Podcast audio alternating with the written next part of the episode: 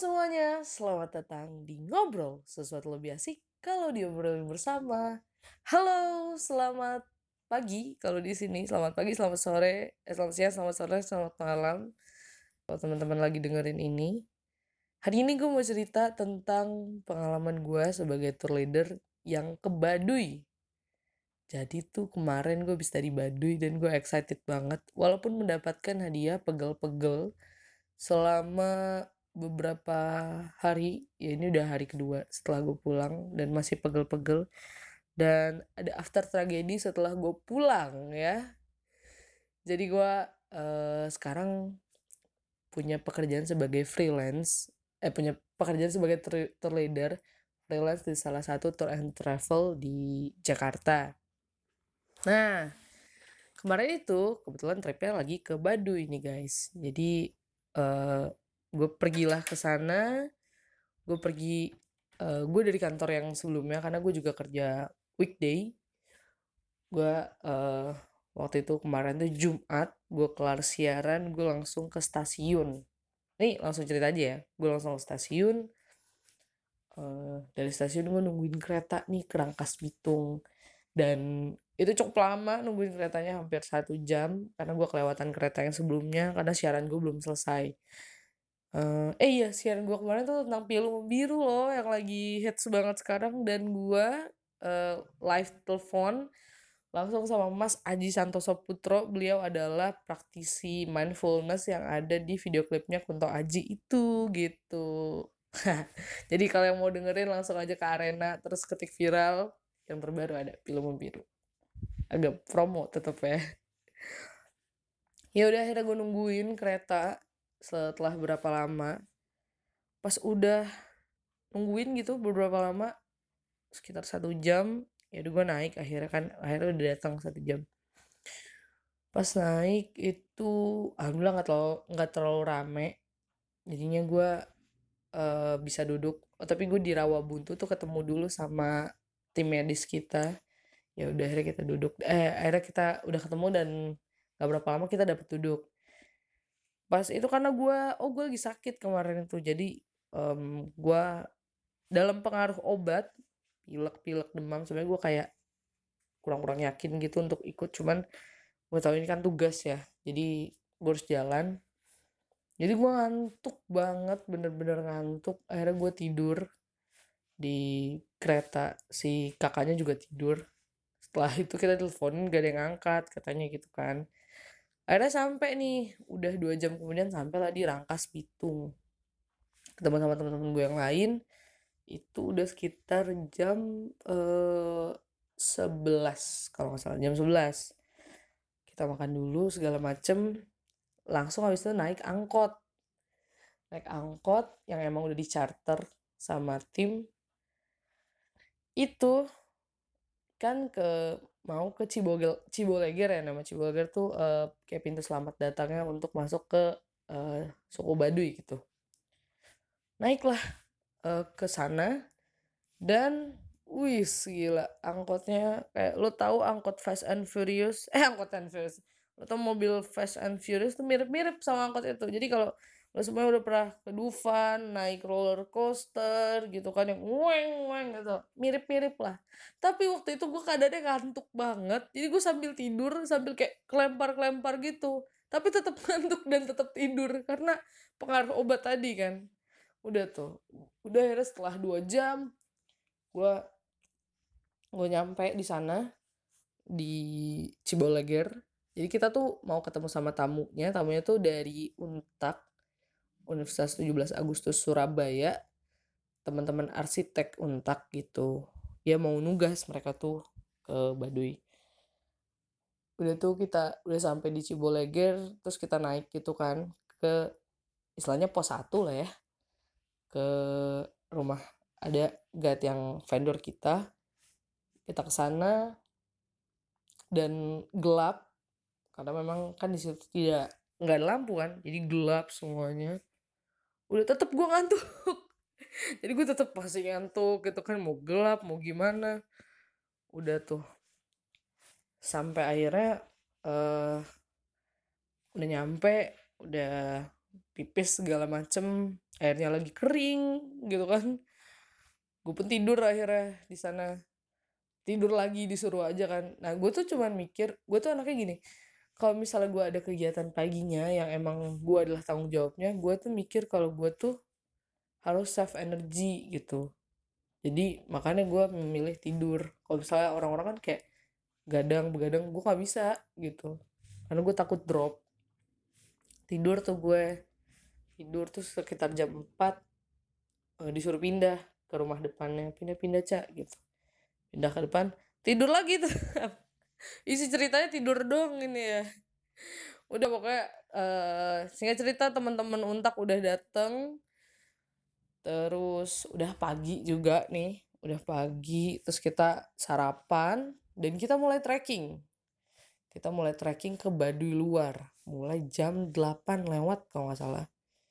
Trekking lah ke Baduy luar sekitar 45 menit lah ya 45 sampai 60 menit trekking. Nah karena gue lama nggak olahraga itu wow terasa sekali. Cuman yang gue bayangin adalah gue lagi naik tangga majestic gue lagi naik tangga halte majestic gue lagi naik tangga kantor. Itu yang gue bayangin sepanjang jalan jadi gue nggak merasa berat.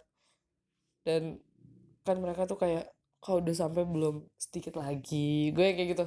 Yang sedikit lagi deh. Yuk yuk semangat yuk. Gitu. Terus duduk lagi. Padahal gue juga ya itu kan bawa tas ya bawa tas sendiri. Dan gue emang geblek gitu naruh barang apa nanya gue nggak tahu gue naruh apa aja dan berat gitu loh. Udah tuh terus setelah sampai ke Baduy dalam akhirnya eh eh Baduy luar sorry ke Baduy luar udah sampai dan jadi gue tuh dapet tugas ke Baduy dalam nemenin teman-teman buat wawancara. Gue uh, temen gue ngomong gini eh gue cuma sampai sini doang ya uh, tugasnya gitu. Iya lo sampai sini doang gitu kan. Terus uh, ada ada uh, kakak senior gue juga senior gue juga bilang iya gue juga sampai sini doang terus kayak eh sini tukeran tukeran gitu kan. Terus ya udah akhirnya kita istirahat sejam itu dari yang dari pos pertama terus ke Baduy luar. Istirahatlah sejam dan mulailah perjalanan yang lebih ekstrim ya. Karena setelah istirahat sejam tadi kita pun akhirnya ke Baduy dalam. Ada 22 orang mahasiswa yang ikut ke dalam. Bersama kami kru empat orang. Um, nah itu kan dua setengah jam kira-kira perjalanannya gue nggak tahu itu lebih atau kurang. Kayak kalau pas pulangnya itu uh, lebih deh. Karena kita sempat neduh dulu karena hujan. Nah itu tuh di perjalanan gue tuh udah lama gitu sebenarnya nggak naik naik gitu kan. Dan itu tuh kerasa banget. Dan posisi gue adalah seorang kru gitu kan. Maksudnya gue penjaganya mereka gitu. Nggak boleh lemah harus kuat gitu harus yang paling strong gitu kan. Gue sih gue gue sih prinsipnya gitu gitu. Jadi gue tuh nggak boleh kenapa-napa. Itu yang namanya betis udah keras gitu kan. Naik naik terus kayak kayak sampai-sampai gitu. Terus ada tanjakan yang curam banget. Itu kayaknya hampir-hampir 90 derajat. Eh berapa derajat ya pokoknya miring banget. Eh hampir lurus lah pokoknya se se securam itu. Terus itu tuh gue kayak dan gue tuh bener-bener tarik napas yang soalnya kata tim medis gue kan nggak boleh tarik napas yang gitu karena ntar capek. Jadi tarik napasnya dalam terus dikeluarin dalam dikeluarin. Dan itu kan kayak karena kita rombongan jadinya tuh uh, ke, ada yang kepisah-pisah gitu. Karena ada yang kloter jadi jadi jalan duluan terus kita gue harus nungguin teman-teman yang capek gitu kan biar jalan-jalan bareng jalan bareng lagi gitu. Nah setelah istirahat ya gitu kan istirahat dan lain-lain. Akhirnya setelah dua setengah jam udah ke ke sungai juga mandi-mandi gitu kan akhirnya sampai juga di Baduy dalam.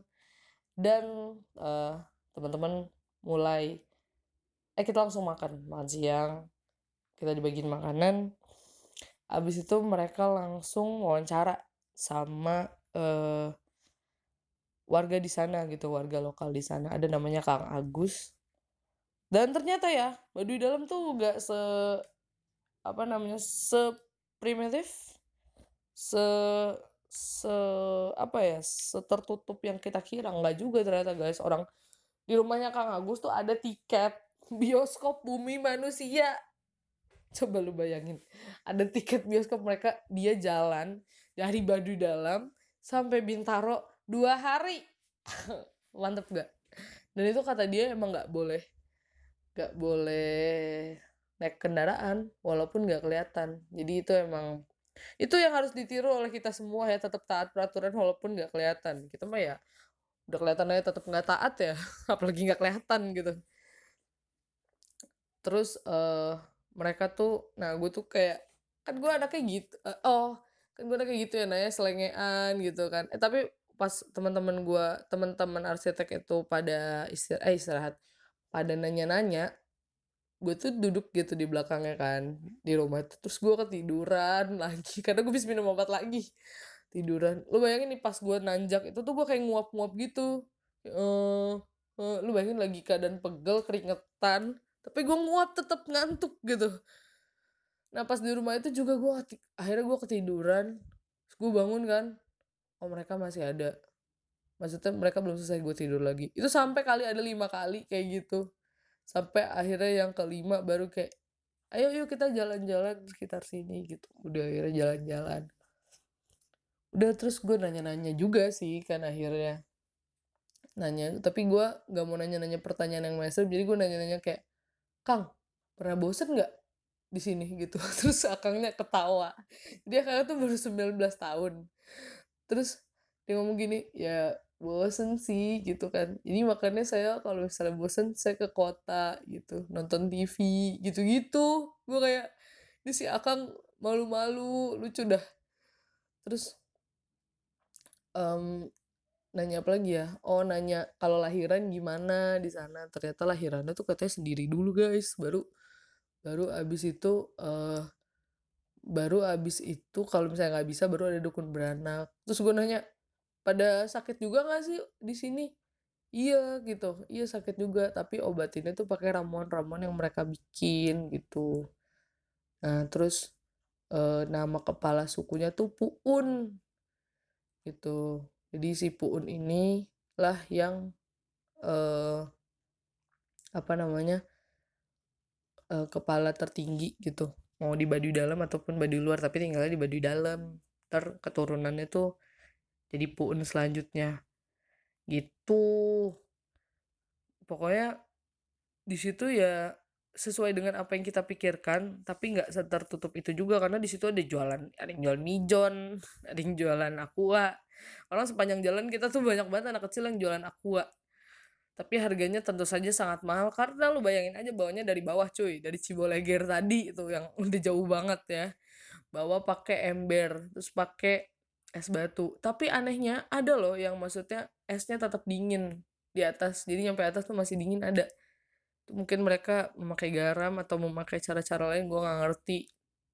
Esnya masih dingin aquanya. Cuman sih yang gue beli gak ada yang dingin gitu.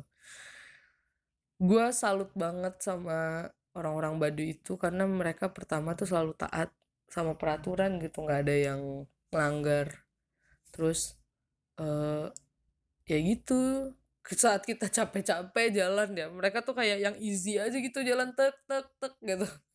Kayak yang uh, sambil bawa gembolan tidak ada sebuah perasaan atau muka-muka kelelahan keringetan tuh nggak ada biasa aja gitu kan.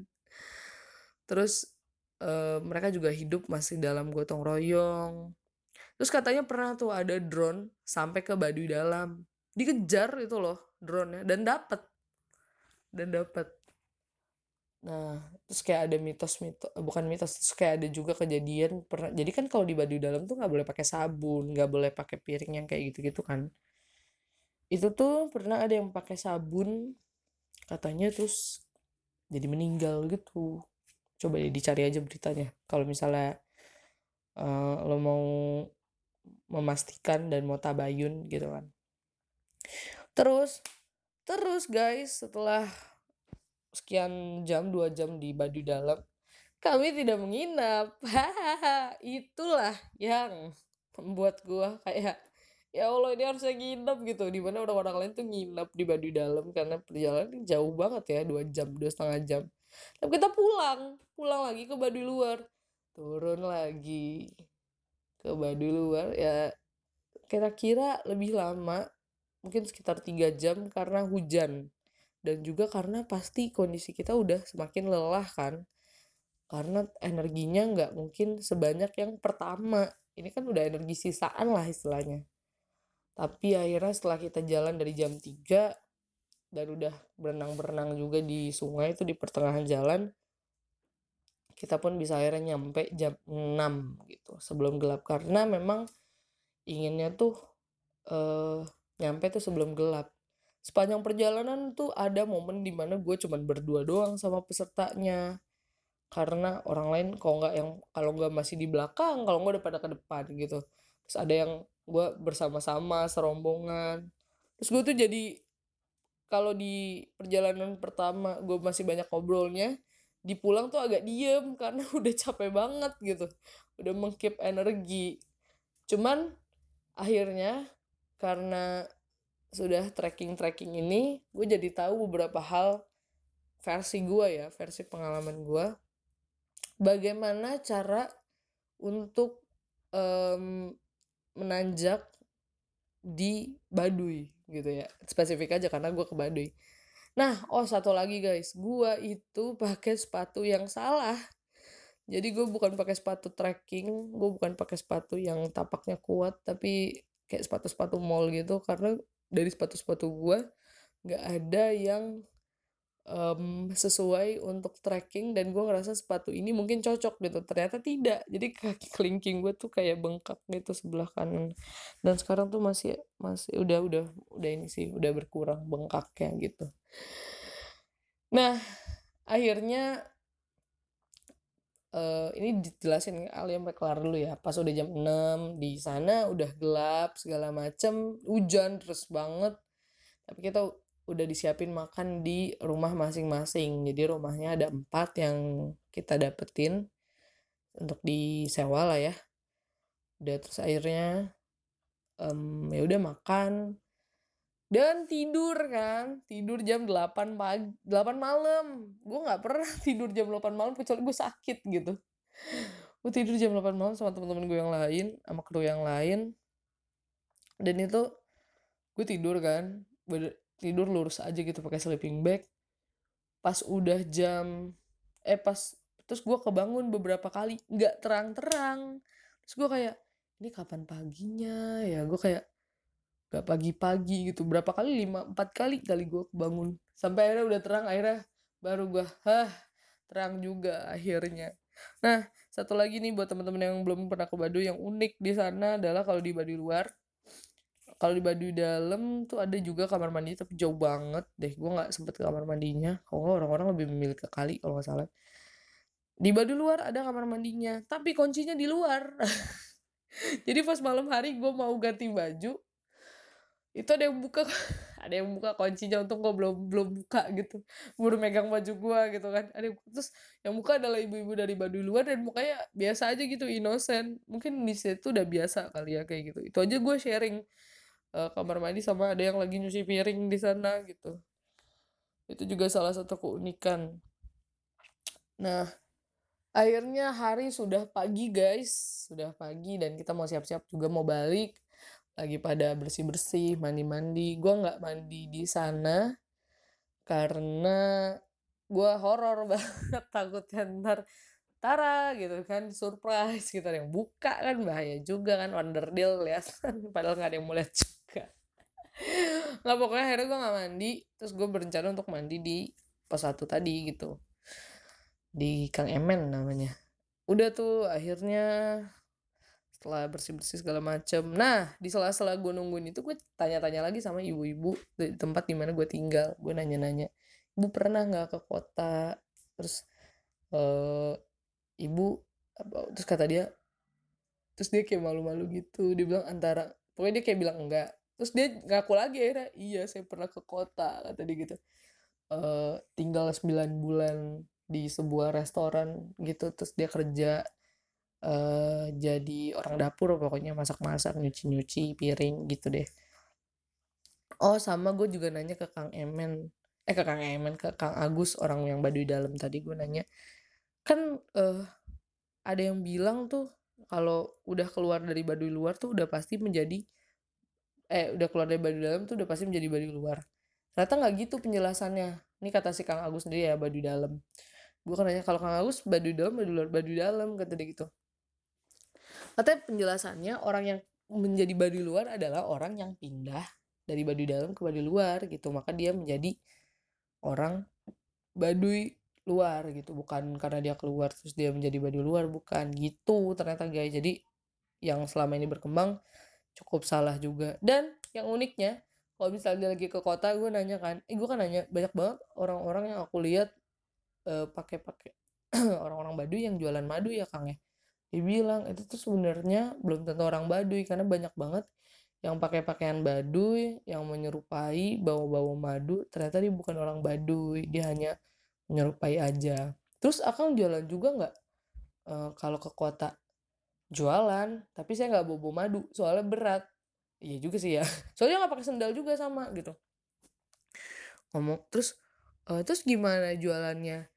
Ya uh, ya kalau misalnya ada yang mau beli orangnya ngasih alamat. Oh terus ya udah nanti madunya dikirim. Mah dikirim. Dikirim gimana kang?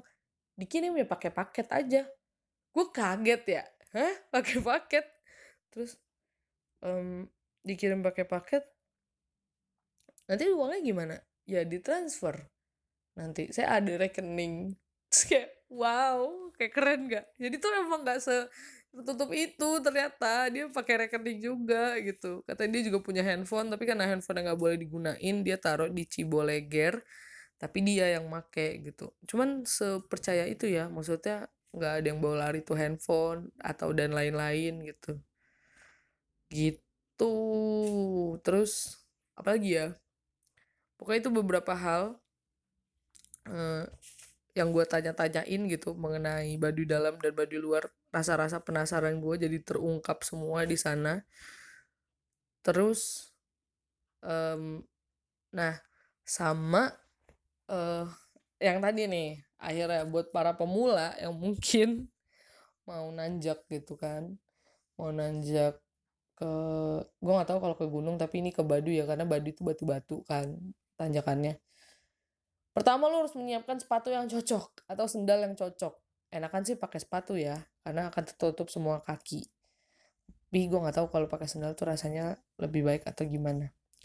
Kedua menurut gue eh, kalau lu mau napak kaki tuh lu pilih batu yang lebar-lebar gitu loh. Kalau lu pakai sepatu yang salah kayak gue jadi at least nggak terlalu sakit kakinya gitu. Jadi jadi jangan yang banyak apa sih pola batunya tuh jangan yang kecil-kecil gitu yang lebar-lebar biar kayak kakinya langsung tek gitu.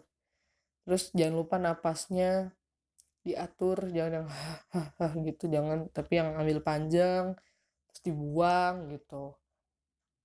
Terus jangan lupa bawa minum juga. Terus kalau gua jalannya tuh nggak cepet-cepet lari-lari gitu enggak gue jalan tuh datar aja kayak tep gue tuh kayak temponya tek itu dari awal sampai akhir dari akhir sampai pulang stabil gitu gue tuh. Maksudnya segitu-gitu aja gue nggak mau mempercepat dan memperlambat. Karena gue di jalan gue kalau jalan biasa aja kayak gitu gitu sebenarnya. Karena kalau menurut gue gue men-save energi sih gue nggak mau energi gue habis di awal. Kalau kata bapak-bapak yang kita ketemu katanya ini tanjakan curam banget neng. Habis ini udah nggak ada lagi tanjakan kayak gini pakai gigi kalau naik motor mau pakai gigi satu nanggung aja kata gitu jadi habisin katanya gitu.